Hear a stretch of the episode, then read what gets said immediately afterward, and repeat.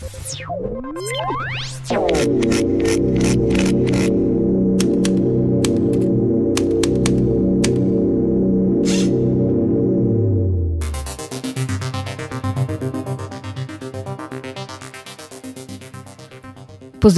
v 23. epizodi Počrto podcasta, z vami sva danes Leonard Kučič in Tajat Polovec. Poletje nas je in to kljub temu uradnemu koncu epidemije v Sloveniji ujeli še zmeraj na različnih koncih države. Zato bomo tudi tokratno epizodo posneli nadaljavo, ampak saj upam, da vam pa lahko že tokrat zagotoviva boljši zvok, ker so po več mestih čakanja prispeli naši dolgo pričakovani podcasterski mikrofoni. Ja, ki so bili nekaj časa tako rekoč razprodani po vsej Evropi, zdaj iz tega lahko sklepamo, ali da se je začelo množično snemanje podcastov po vsej Evropi, ali pa pač so se ljudje želeli boljše upremiti za delo nadaljavo. Ali pa oboje, glede na to, da je bil nekaj časa na Twitterju skoraj tak trending statement. Ne, jaz pa ne bom začel svojega novega podcasta v karanteni.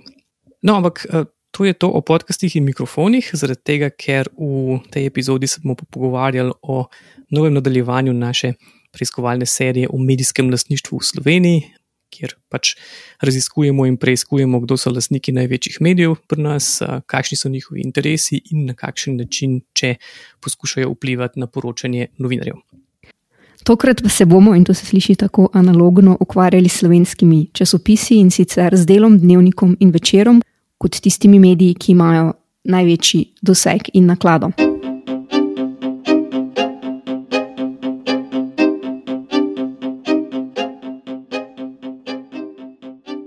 Zdaj ta preiskava, na podlagi katere smo pripravili ta podcast, je bila nekoliko drugačna od prejšnjih. Zakaj, Leonard? Ja, v prejšnjih preiskavah je bilo ugotavljanje vpliva teh medijskih lasnikov razmeroma preprosto. Zdaj, nažalost, posoje. Zaradi tega, ker v občinskih glasilih smo videli, da imajo župani skoraj absoluten vpliv pomoč, ko odločajo in o financiranju glasila, imenujejo urednika, vpliva na njegovo imenovanje ali pa doskrat ta glasilo pač nastaja skoraj v njihovih kabinetih, kar v praksi pomeni, da občinska glasila v najboljšem primeru ne kritično poročajo o delu občine, pa župana, kar pomeni izpostavljajo samo pozitivne zgodbe, v kakšnih hujših primerih pa župani izrabljajo ta svoj občinski medij za obračunavanje z nasprotniki. Kar se je recimo najbolj tako konkretno dogajalo v Kopru, ampak smo v prejšnji preiskavi pokazali, poleg Kopra, še primere Ljubljana, pa celja, kjer je lahko prišlo do takih spornih rab javnega denarja za občinske medije. Podobno smo ugotavljali tudi v delu preiskave, ker smo se ukvarjali z medijem pod okriljem stranke SDS, ki ne, te mediji ne kritično širijo strankarske programe, pozitivno izpostavljajo njihovi voditelji in pa napadajo nasprotnike ter širijo sovražni govor. V tokratnem podkastu pa se bomo pogovarjali o treh največjih slovenskih splošno-informativnih časopisih. Kdo so njihovi lastniki? No, tudi ti mediji, seveda, imajo konkretne lastnike, ki uh, včasih mislim, ki niso prav zelo skriti. In sicer časopis deluje v lasti idrijske poslovne skupine Kolektor, konkretno podjetja FMR, ki je tudi del te skupine. FMR je edini lastnik dela. Predsednik uprave FMR je Stojan Petrič, ki je hkrati tudi nekdanji, ampak dolgoletni vodilni celotnega kolektorja. Zdaj, sam kolektor pa ni znan po medijih, ampak predvsem po izdelavi delov za avtomobilsko industrijo. V zadnjih letih pa so postali tudi eno od največjih gradbenih podjetij v Sloveniji, ki so se med drugim potegovali tudi za izgradnjo druge cevi predora Karavanke, pa druga tira do Luke Koper. Drug časopis, dnevnik, je v večinski lasti skupine DZS, to je nekdanja državna založba, ki se je po osamosvojitvi vse bolj usmerila v turistiko njen vodilni pa je poslovnež Bojan Petan, ki je tudi nekako glavna oseba, ki odloča o tem imperiju. Časopis večer je po lasti dveh mariborskih podjetnikov Uraša Hakla in Saša Todoroviča. Zdaj, za vse omenjene lastnike pa je kot prvo značilno, da ne prihajajo z medijskega področja.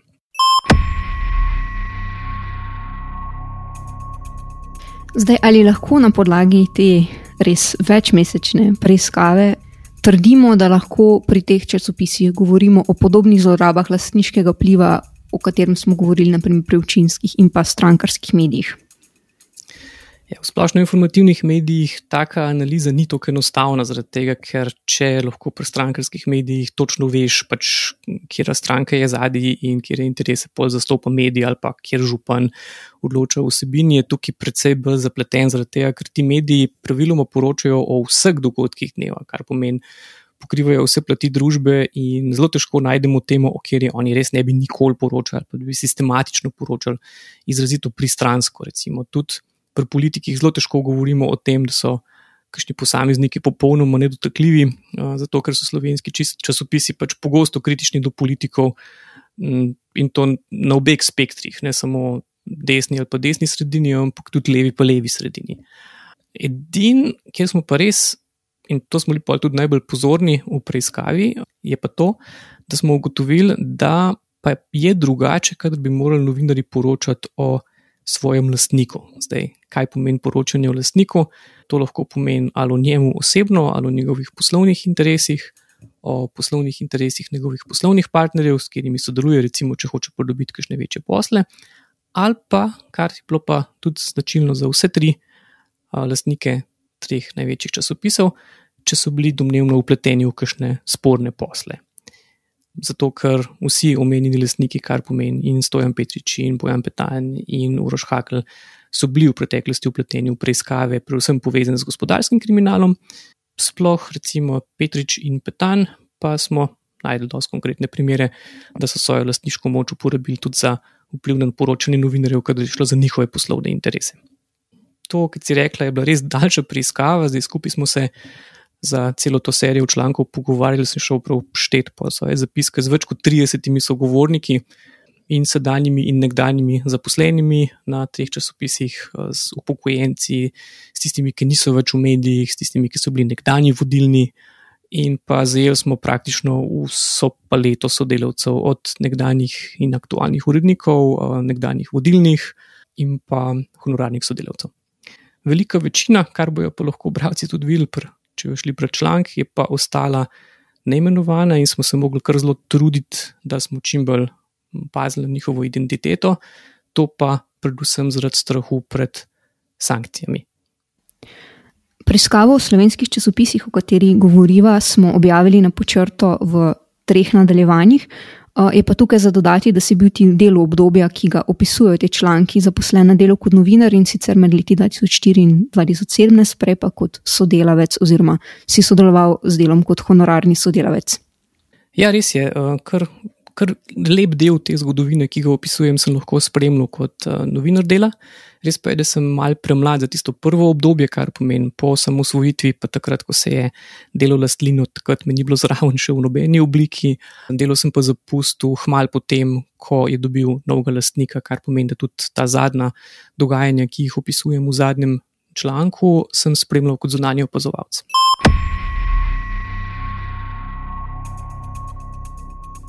Zdaj, prej si omenil, da si pri pripravi te teme govoril z več kot 30 sogovorniki, ki pa se večinoma niso želeli izpostaviti zaradi strahu pred sankcijami.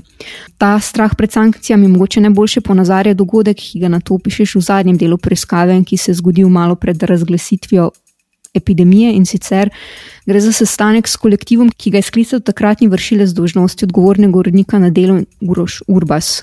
Kaj točno se je zgodilo na tem sestanku?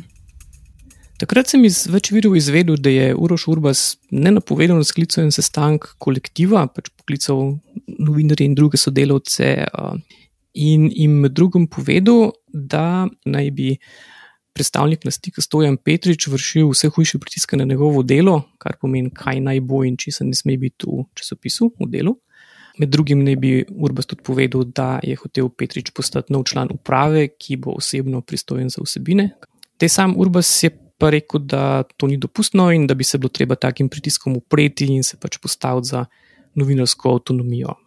Po tem sestanku je odšel na bolniško in čez en teden poslal sodelavcem še eno tako bolj dramatično elektronsko pismo, ki sem ga tudi prebral, lahko v preveč virih.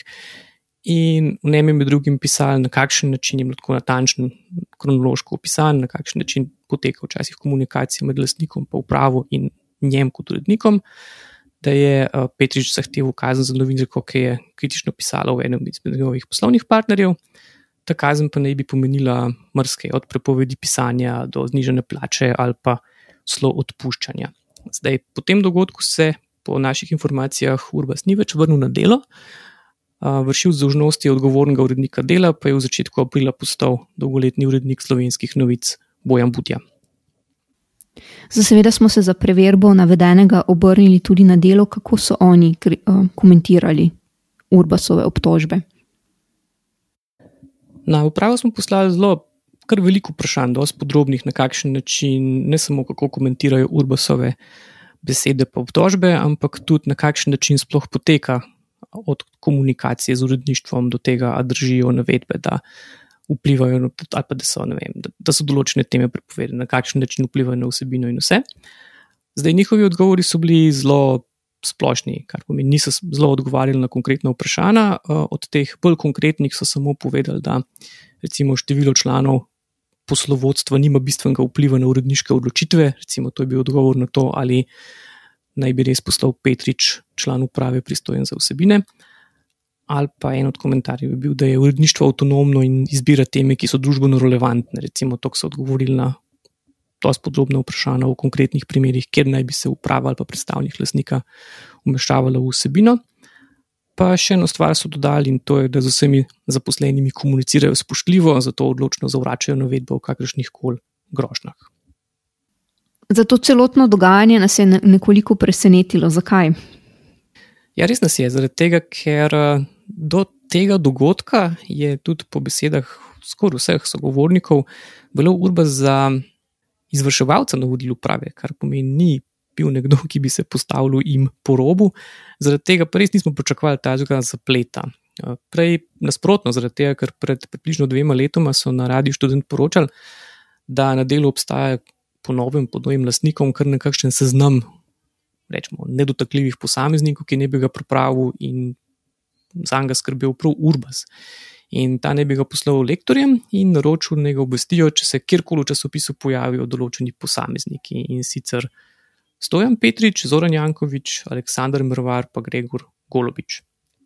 Mi smo med drugim skušali z našo preiskavo ugotoviti tudi, ali je ta seznam resnično obstajal in kakšna točno naj bi bila uh, navodila v uredništvu, kaj si ugotovil. Ja, uspeli smo potrditi, da je dan, ta, tak, tako navodilo dejansko obstajalo. No, sicer zdaj je obstajalo v pisni ali ustni obliki, se malo razlikujejo interpretacije, menda je obstajalo v obojih. Zdaj, kaj ne bi se pa zgodilo, če se taka imena pojavijo? Urbas ne bi po besedah naših sogovornikov take članke prebral, pa jih včasih recimo tudi kaj spremenil, zdaj prvo umaknil, ne vemo. Sčasoma pa naj bi se ta seznam še razširil in ponovem ne bi zdaj vseboval tudi nekatere druge poslovne partnerje, pa nekatere ključne oglaševalce. Je pa to stvar, ki nekako ne bi obstajala, predvsem v ustni obliki med, med uredniki, glavnimi in odgovornimi. Na upravi nam pa niso komentirali tega seznama in posameznikov na njem, tako da uradno ne vemo, zakaj ne bi se točno ti ljudje tam znašli, ampak so pa sogovorniki izpostavili, da tukaj gre predvsem za poslovne interese lastnika.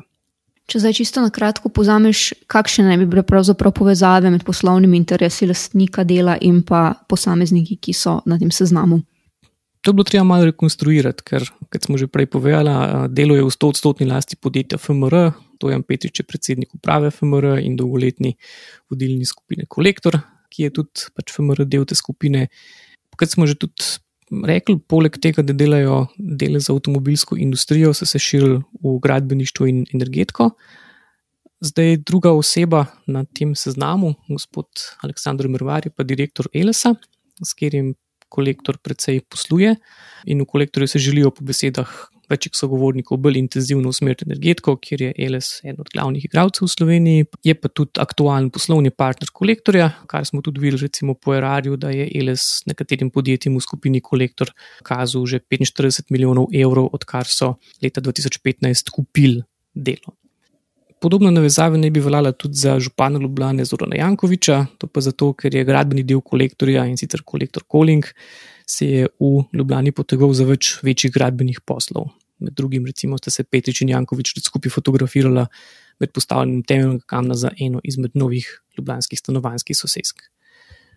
Gregor Golubič je pa nekdanji vplivni politik in po mnenju sogovornikov še zmeraj pomemben lobist.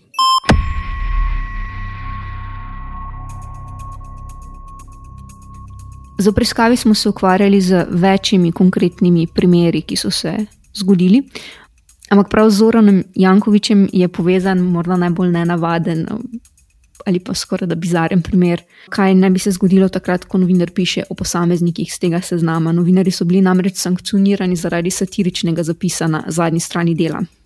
Ta je res tako, kar mal bizarna, če jo ne bi uspel, kar, če jo ne bi uspel potrditi, da je resnična in to je, da, je, da se je moral Jankovič marca 2018 mogel pričati pred preiskovalno komisijo v državnem zboru, kjer so pač ugotavljali zlorabe v bančnem sistemu. Med drugim je odgovarjal tudi na vprašanje o projektu Stožce, ki ga je mestna občina Ljubljana izvedla z zasebnim partnerjem, banke so pa pol dolgove prenesle na slabo banko. In na eno izmed vprašanj parlamentarnih zasliševalcev ne bi odgovoril, da o gospodarstvu vedo zelo malo. No, to repliko, je potem uporabil nepodpisani avtor satiričnega zapisa v rubriki, pa še to, ki vsak dan izide na zadnji strani dela. In ta nepodpisani avtor ali pa avtorica je sklenil, da je imel župan prav, zaradi tega, ker člani preiskovalne komisije se res ne morejo pohvaliti s kar dvema poenostavljenima prisilnima poravnavama v pol leta s katerimi bi se znebili skoraj vseh dolgov, kar je uspelo županovi družini v primerih elektroinženirjih pa elektroaložbe. Na ta način so si poskusili odpisati za približno 29 milijonov evrov dolgov, ki, jih, ki so jih pač predelala podjetja v skupini Elektra v lasti obeh Jankovičevih sinov. Zdaj ta budica pa ni bila brez posledic ker za tega zapisa je več zaposlenih za več mesecev, pa dokončno izgubili del plače, ker da niso opazili in preprečili objave. Ta ukrep se je pa po besedah naših sogovornikov odločil Uroš Urbas, ki da je kolege obtožil sabotaže in grosil z odpovedjo delovnega razmerja, to pa naj bi od njega zahteval predstavnik lastnika Stojan Petrič. Že omenjeno, pa to ni bil edini primer, za katerega si izvedel med to preiskavo. Ne, ni bil edini primer, zdaj podrobneje, ko povabiva bralce, da si preberejo članek, ampak med drugim smo zvedeli, da naj bi Petrič od novinarjev pričakoval pozitivno poročanje o kolektorju, v časopisu pa ni hotel brati novic o njihovem dolgoletnem starem tekmecu, idrijski skupini Hidrija. To je tak lokalen spor, ki se vleče že zelo dolg čas in včasih že prav anekdotične razsežnosti. Med drugimi primeri smo pa izpostavili tudi poročanje o dodatkih za stalno pripravljenost, ki so jih domnevno neupravičeno prejemali nekateri profesori na Ljubljanski univerzi, še zlasti na ekonomski fakulteti, kar smo pa tudi podrobneje predstavili v članku.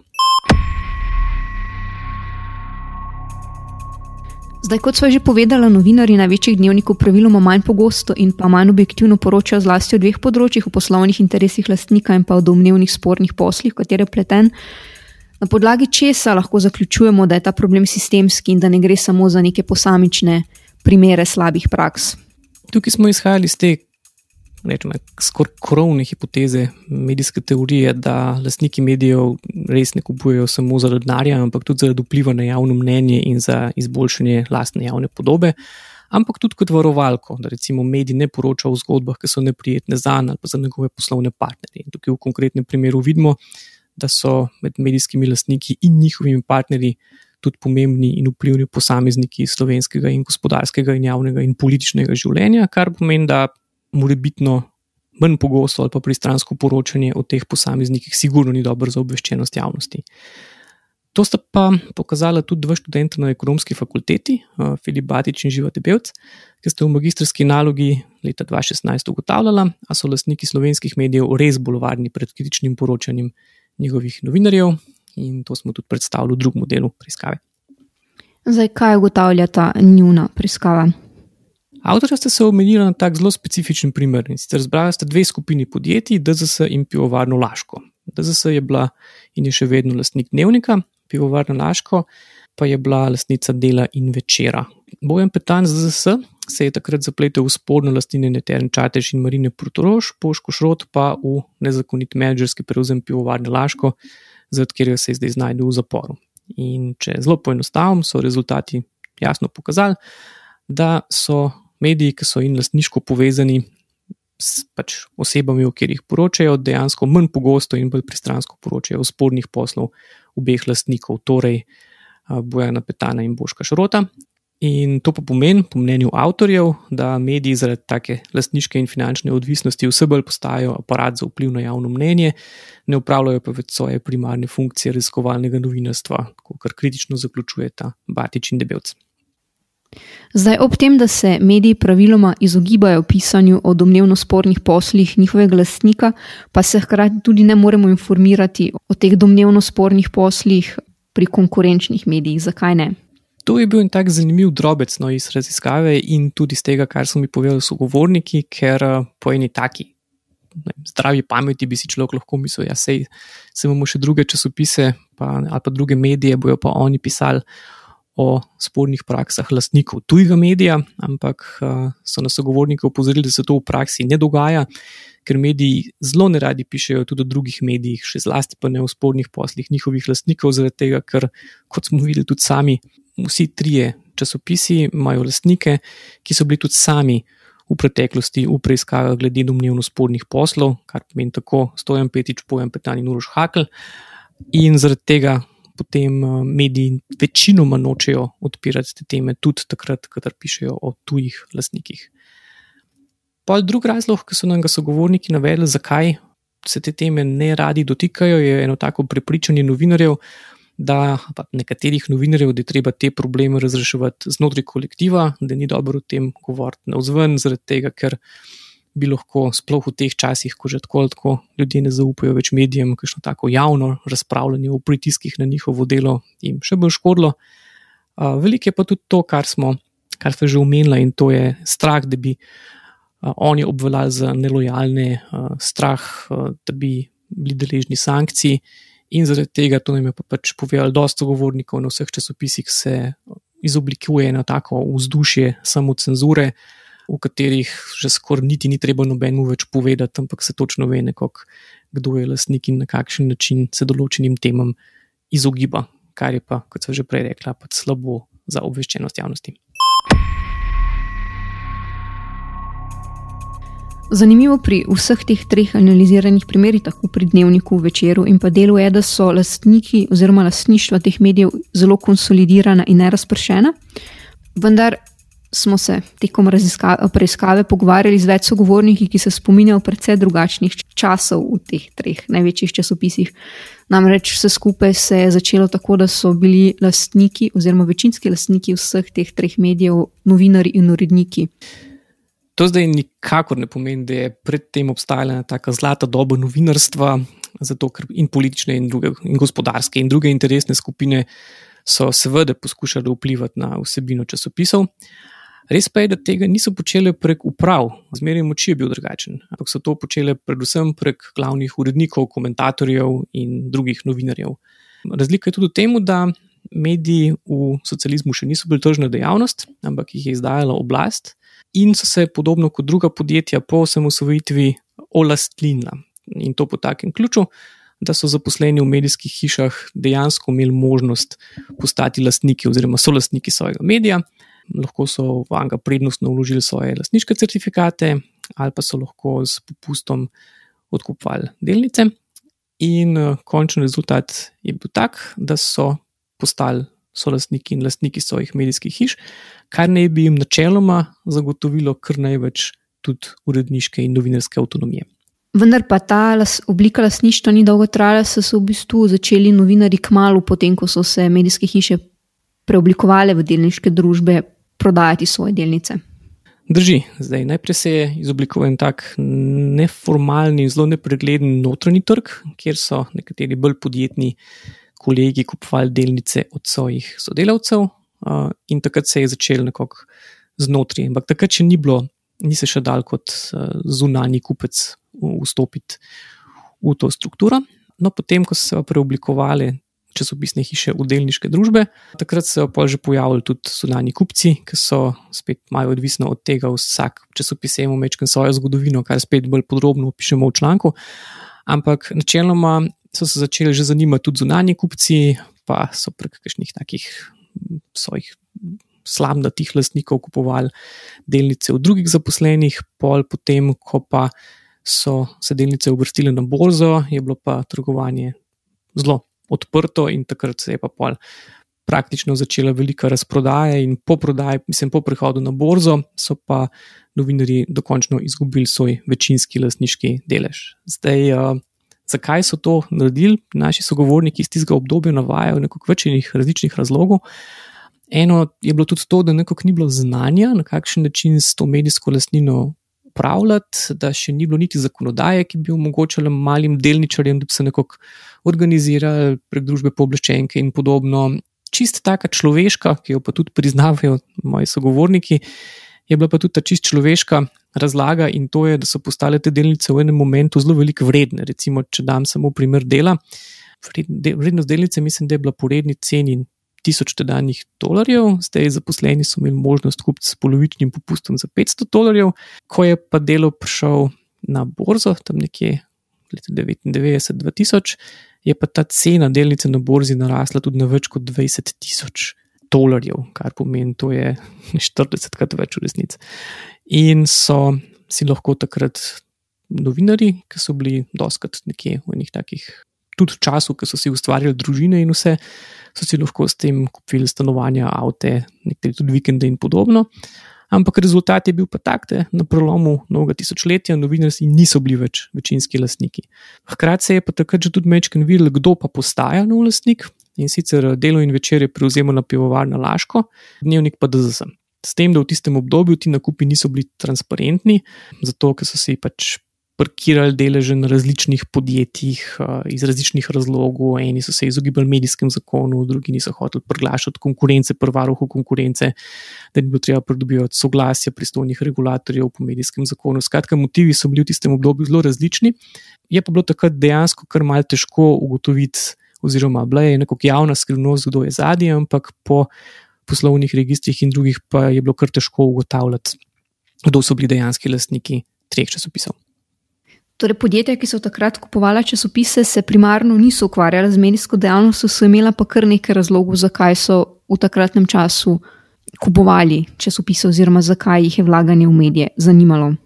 Tukaj sem si lahko precej pomagal z gradivi, ki sem jih zbrala tam nekje 2004 s profesorico Sandro Bašič, Hrvatin, ki smo pripravili knjigo Monopoli o medijskem lasništvu v Sloveniji. In takratni sogovorniki so nam res našteli kar nekaj razlogov, zakaj so takrat ta podjetja kupovala časopise. Zdaj, ene so bile tako mal, morda malo tako hecne razlage, in to je, da so imeli določena podjetja zaradi svojega statusa pri bankah in tudi politiki toliko denarja, da so dejansko kupovali vse, kar je bilo na prodaj, vključno s časopisi, ki so bili na prodaj. Druga razlaga je bila, da jih je vse od začetka zanimal denar, zaradi tega, ker so časopisne družbe v tistem obdobju izredno dobro poslovali. Recimo, nekdanji direktor dela Jurek Apih nam je povedal, da takrat so bili tudi tako več kot 20-odstotni donosi na kapital, pa da so izplačvali lahko tudi 13-14 plače in podobno. Skratka, da je bilo denarja v tej panogi veliko, sploh na delu, ki je bil recimo skoraj monopolist. No, ampak poleg teh eh, razlogov so pa našteli tudi druge in to je, da so se ti lastniki precej skoncentrirali okoli ene ideje nacionalnega interesa, zlasti v pivovarski vojni, kjer se je takrat precej razširilo, pa širilo to prepričanje po delu javnosti, da je bolj, da ta podjetja ostajajo v slovenskih rokah, kot da bi jih kupili tujci, in da so imeli takrat ti domači podjetniki kar nekakšen mandat. Da svoje zasebne poslovne interese upravičujejo tudi s tem širšim nacionalnim interesom, in um, tukaj je bila pol tudi ta vem, razlog, zakaj je bilo treba v časopise vstopiti do neke mere, tega, da so dobili podporo za ta idejo nacionalnega interesa. In pa seveda, kar se je pa pol pozneje izkazalo, da pa je ta javni interes hitro postal zelo zaseben in da so časopisi postali zelo koristni tudi za pridobivanje drugih poslov. Je pa tukaj še en strah, ki so nam ga tudi nam ga izpostavili sogovorniki in to je, da je bilo takrat zelo veliko strahu tako pred vstopom tujega kapitala, v slovenske medije, zaradi tega, ker takrat so časopisi dejansko zanimali določene medijske družbe, zlasti nemške, in pa strah pred desnim kapitalom, kar pomeni, da ne bi slučajno bolj desno, desno-sredinske politične opcije vstopile v te medije, ki so bili tradicionalno bolj blizu uh, levi sredini.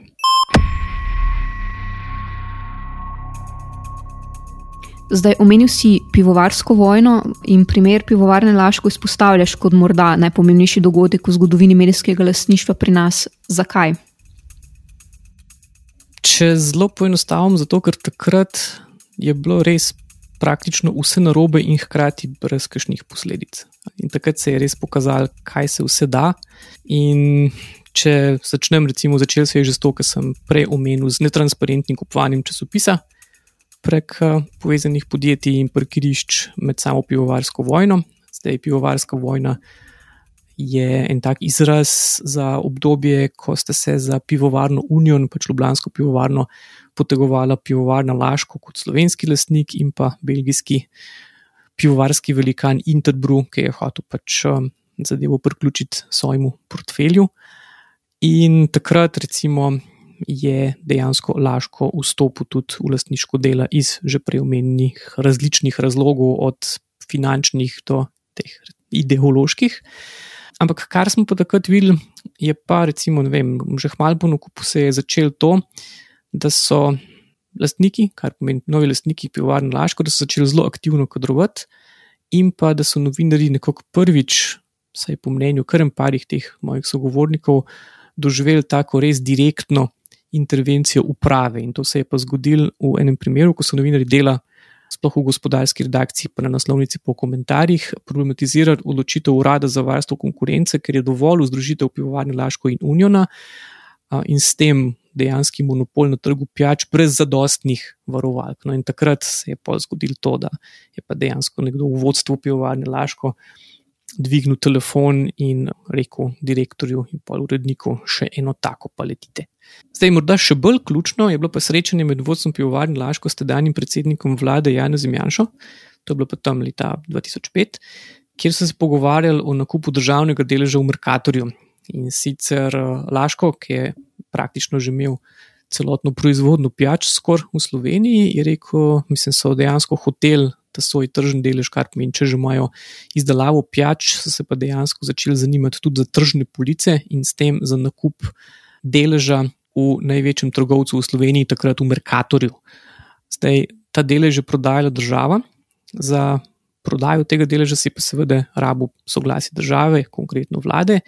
In takrat se je pač polet na sestanku, so se srečali poleg eh, Boška Šrota, Eh, ki je zastopal pivovarno Laško, so se srečali še takratni predsednik uprave Istrabenza Igor Bavčar, tedanja državna sekretarka na Ministrstvu za gospodarstvo Andrijana Starina Kosem, ki je bila takrat članica SDS, in pa predsednik uprave Kadi Grupa Matjaš Gantar.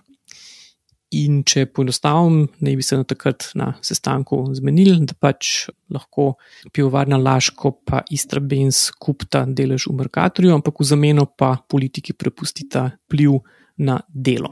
Kaj konkretno je to pomenilo in pa kakšne so spremembe, ki so se potem zgodile posledično na delu? Spremembe so bile zelo konkretne in sicer predvsem kadrovske in vsebinske. Tedanjega predsednika uprave Tomaža Peroviča je zamenil Dalino Slivnik. Dalino Slivnik je bil znan urednik in publicist, ki je izdajal desni tednik Mag. Slivnik je pa takrat pol tudi zamenil odgovornega urednika dela Darjena Koširja in je imenoval Petra Jančiča, ki je bil takrat, mislim, da je komentator večera in je tudi veljal za novinarja, ki je bolj naklonjen desni politični opciji. Te dve kadrovski spremembi sta bili zelo zgovorni, zaradi tega, ker sta tako Slivnik kot Jančič veljala za novinarja in komentatorja, ki sta bolj naklonjeni desni politiki in to so in ali pa so smo in novinari in javnost in bravci zelo jasno prepoznali kot poskus spremembe uredniške politike dela z recimo leve sredine na desno. No, ampak po slabih dveh letih se pa zgodi nov obrat in sicer zaradi spora med Šrotom in Janšo prinese nove kadrovske menjave in časopis delo pod novimi uredniki spet postane bolj kritično do vlade Jana Zajanše in se spet poskuša pozicionirati v levo sredino, takrat pol Jančič odstopi, Slivnik odstopi, eh, vrne se Darjen Košir. Vsi ti pretresi so popustili trajne posledice na delu. Zdaj, posledice, o katerih govorimo, so bile zelo negativne, ne samo za delo, ampak za celoten medijski prostor. In sicer sporedno s kadrovskimi menjavami in pa um, zamenjavo uredniških usmeritev je prišlo namreč do odpovedi naročnikov, ki se niso več vrnili oziroma niso postali dru naročniki drugih medijev, paca naklade um, in pa velikega paca vrednosti časopisnih hiš. Zdaj, če to um, ponazorimo na primeru Laškega in pa lasništva večera in dela. Laško je na primer kupilo večer za več kot 20 milijonov evrov in ga na to prodalo za milijon, delo pa so kupili za kar 90 milijonov evrov in prodali za dobrih 7. Posledično se ni vlagalo v razvoj, prihajalo pa je tudi do zelo velikih odpuščanj, uh, kar pomeni, da je delo zelo slabo pripravljeno stoplo v obdobje tako imenovane digitalizacije medijev, ko so spremembe, eh, spremembe pri navadah bralcev in pa razmer na trgu močno prizadele prav časopisni medijski trg. Morda glavna posledica je pa bila, da je primer pivovarne Laško pokazal, da lahko lastnik z medijem v Sloveniji res počne skoraj kar koli. In uh, ko so v delo vstopili novi lastniki FMR, so lahko tako prakso nadaljevali, kar pomeni, uh, na podoben način kot pivovarna Laško, so tudi oni si vzeli mandat, da nastavljajo lojalne urednike, da zelo aktivno se upletejo v kadrovske menjave in tudi vsebino. In kar smo pa tudi ugotovili in pol pač povprašali sogovornike, je pa to, da nažalost pred takim početjem pa ni kakšnih učinkovitih varovalk. Vprašanje, ki se na tem mestu zastavlja, je seveda, kako zagotoviti avtonomijo novinarjem in urednikom. Zdaj so govorniki so tekom preiskave povedali, da se je v redakcijah nekako ustvarjalo okolje, kjer so novinari že sami izogibajo preiskovanju področji, kjer bi se lahko dotaknili interesov lastnika tekom preiskave ali tekom priprave članka. Problem pa je seveda ta, ker so lastniki in pa njihovi poslovni partnerji hkrati tudi vplivni posamezniki tako politiki in gospodarstvu, javnost pa je potem posledično manj obveščena o njihovih dejanjih ali potencialno spornih poslih. Res je, zdaj po mnenju sogovornikov, pa tudi po različnih podatkih, ki smo jih zbrali, se je izkazalo, da so novinari skoraj popolnoma nezaščiteni pred tako samovoljo lastnika. Zdaj, razlogov za to je pa velik, če jih mečkaj povzamem, tega, ker tega je bilo res kar dost. In sicer um, več sogovornikov je izpostavilo, da je eden od ključnih problemov da se začne nekako pri tem, da so uredniki nastavljeni, kar pomeni, da niso izbrani nekako s podporo kolektiva, pa po svojih sposobnostih, ampak da jih imenuje lastnik, ki ga pa lahko v katerem koli trenutku tudi zamenja, kar smo videli tako pri pivovarni Laško, kot tudi pri FMR-ju. Mislim, slišali smo tudi za primere, kjer naj bi na določenih bolj vodilnih položajih ob podpisu pogodbe o zaposlitvi ljudje morali podpisati tudi svojo odpoved brez dodanega datuma. Zdaj, to smo tudi vprašali na upravo, ampak tukaj nismo dobili komentarja, zakaj se odločajo za take prakse. Druga stvar je strah pred izgubo dela, zaradi tega, ker so razmere na trgu slabe, po celi panogi, kar pomeni, ni zdaj, če boš kot novinar izgubil redno honorarno ali pa celo redno službo za določen čas, da boš imel prav veliko možnosti, kaj pa lahko s tem svojim znanjem počneš, ali pa da boš šel kam drugam, še zlasti, če se kot bi rekli sogovorniki, te prime en tak sloves, da si problematičen ali pa da nisi lojalen ali pa da si grdo pisal o svojem lastniku, je malo verjetno, da boš dobil del kje druge. Mislim, to je pač strah, ki so ga oni navedli.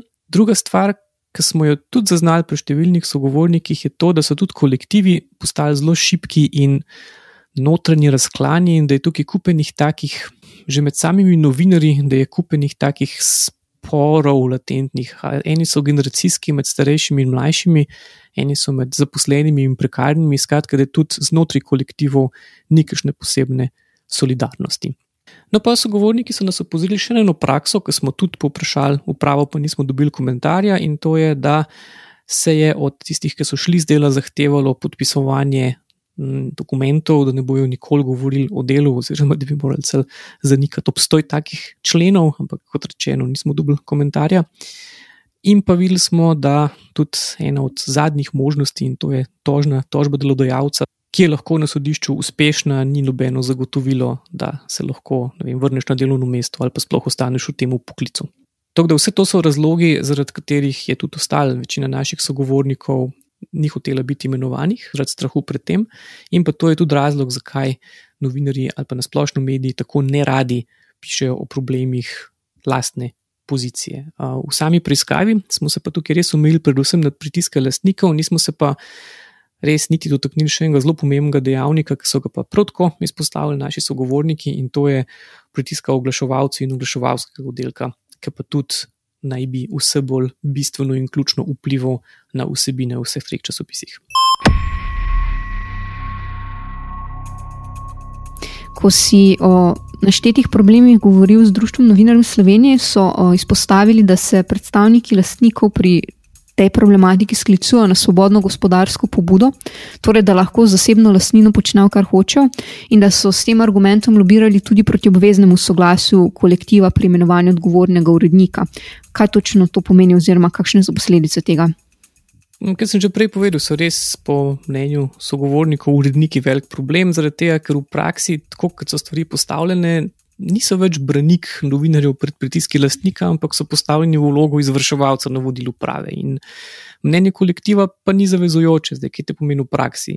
Ko je pivovarna Laško, takrat eh, imenoval, oziroma kaj je takrat Danilo Slivnik imenoval Petra Jančiča za novega odgovornega urednika dela, mu je nasprotovalo skoraj 90 odstotkov vseh tistih, ki so se udeležili glasovanja ampak je kljub temu prevzel uredniški položaj za tisti dve leti, dokler ni moral odstopiti. In podobne zgodbe so se v medijih ponovile večkrat, ne samo na delu, ampak tudi druge. Zanimivo pa je, da je prav Petr Jančič, ki je letos postal odgovorni urednik Siola, tudi to postal kljub eh, jasnemu nasprotovanju kolektiva. Zakaj je to tak problem? Je zato, ker prav urednik je skoraj edini, ki se lahko postavi nasprot lastnikov, kadar so njegove zahteve nedopustne ali pa posegi v vsebino ker tega od posamičnih novinarjev ne moramo pričakovati, ker so enostavno preveč ranljivi. In če pa ranljiv še urednik, pa praktično lastnik nima nobene uvire. Med možnimi predlogi, kako pravzaprav reševati to težavo, se izpostavi, da bi bilo mogoče potrebno v primerih, ko novinari poročajo, predvsem takrat, ko poročajo o spornih poslih svojega lastnika, torej novinare zaščititi podobno kot žvižgače. Ja, se, tudi to je bil eden izmed predlogov, ki so mi ga izpostavili na Društvu novinarjev Slovenije. To bi bila ena alternativa, zaradi tega, ker novinar, ki poroča o svojemu lastniku, dejansko postane žvižgač na nek način. Tako kot kjerkoli drug zaposlen v kjerkoli drugem kolektivu, ki želi spregovoriti ali pa javnost opozoriti na morebitne nepravilnosti, ki se dogajajo. Sploh pa, ker smo zvedeli tudi to, da so poskušali na delu že takrat, ko je radio študent poročal o seznamu in o lastniških zlorabah položaja, pa to da so na delu pač poskušali takrat poiskati. Mislim, da so prav uporabili izraz zelo namirne krte, ki so se pogovarjali z avtorjem prispevka in so za nje zahtevali sankcije. In če bi hotel zaščititi novinarja na ta način, bi bilo treba jim res jih obravnavati podobno kot žvižgači in jim vsaj začasno zagotoviti tudi verjetno materialno varnost, zaradi tega, ker je strah pred izgubo službe in potem, da bojo obveljali za nezaposljive v tem poklicu, eden izmed večjih strahov, ampak um, mislim, da podobno kot za druge žvižgalkarje oziroma žvižgače, tudi za novinarje še lep čas, verjetno ne bo na ta način poskrbljeno.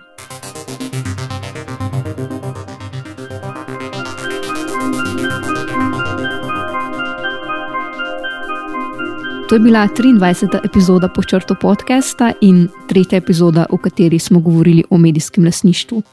Celotne članke, povzetke preiskav in pa infografike za tiste, ki imate radi vizualne zgodbe, preberite na počrtu.si. Tako da, če vas prav specifično zanimajo medijske teme, lahko med podcasti v arhivu najdete dve prejšnji epizodi in sicer v eni sem predstavljal problematiko občinskih medijev in glasil, v drugem pa medijski sistem SDS. Priporočamo pa seveda tudi vse naše ostale epizode, če jih še slučajno niste slišali, zato ker za lepo let bo morda več časa tudi za to dejavnost. Bomo pa hvaležni tudi, če nas pohvalite ali pa priporočite tako znancem kot algoritmom in nas morda kar ročno namestite na kakšen pametni telefon. Thank you.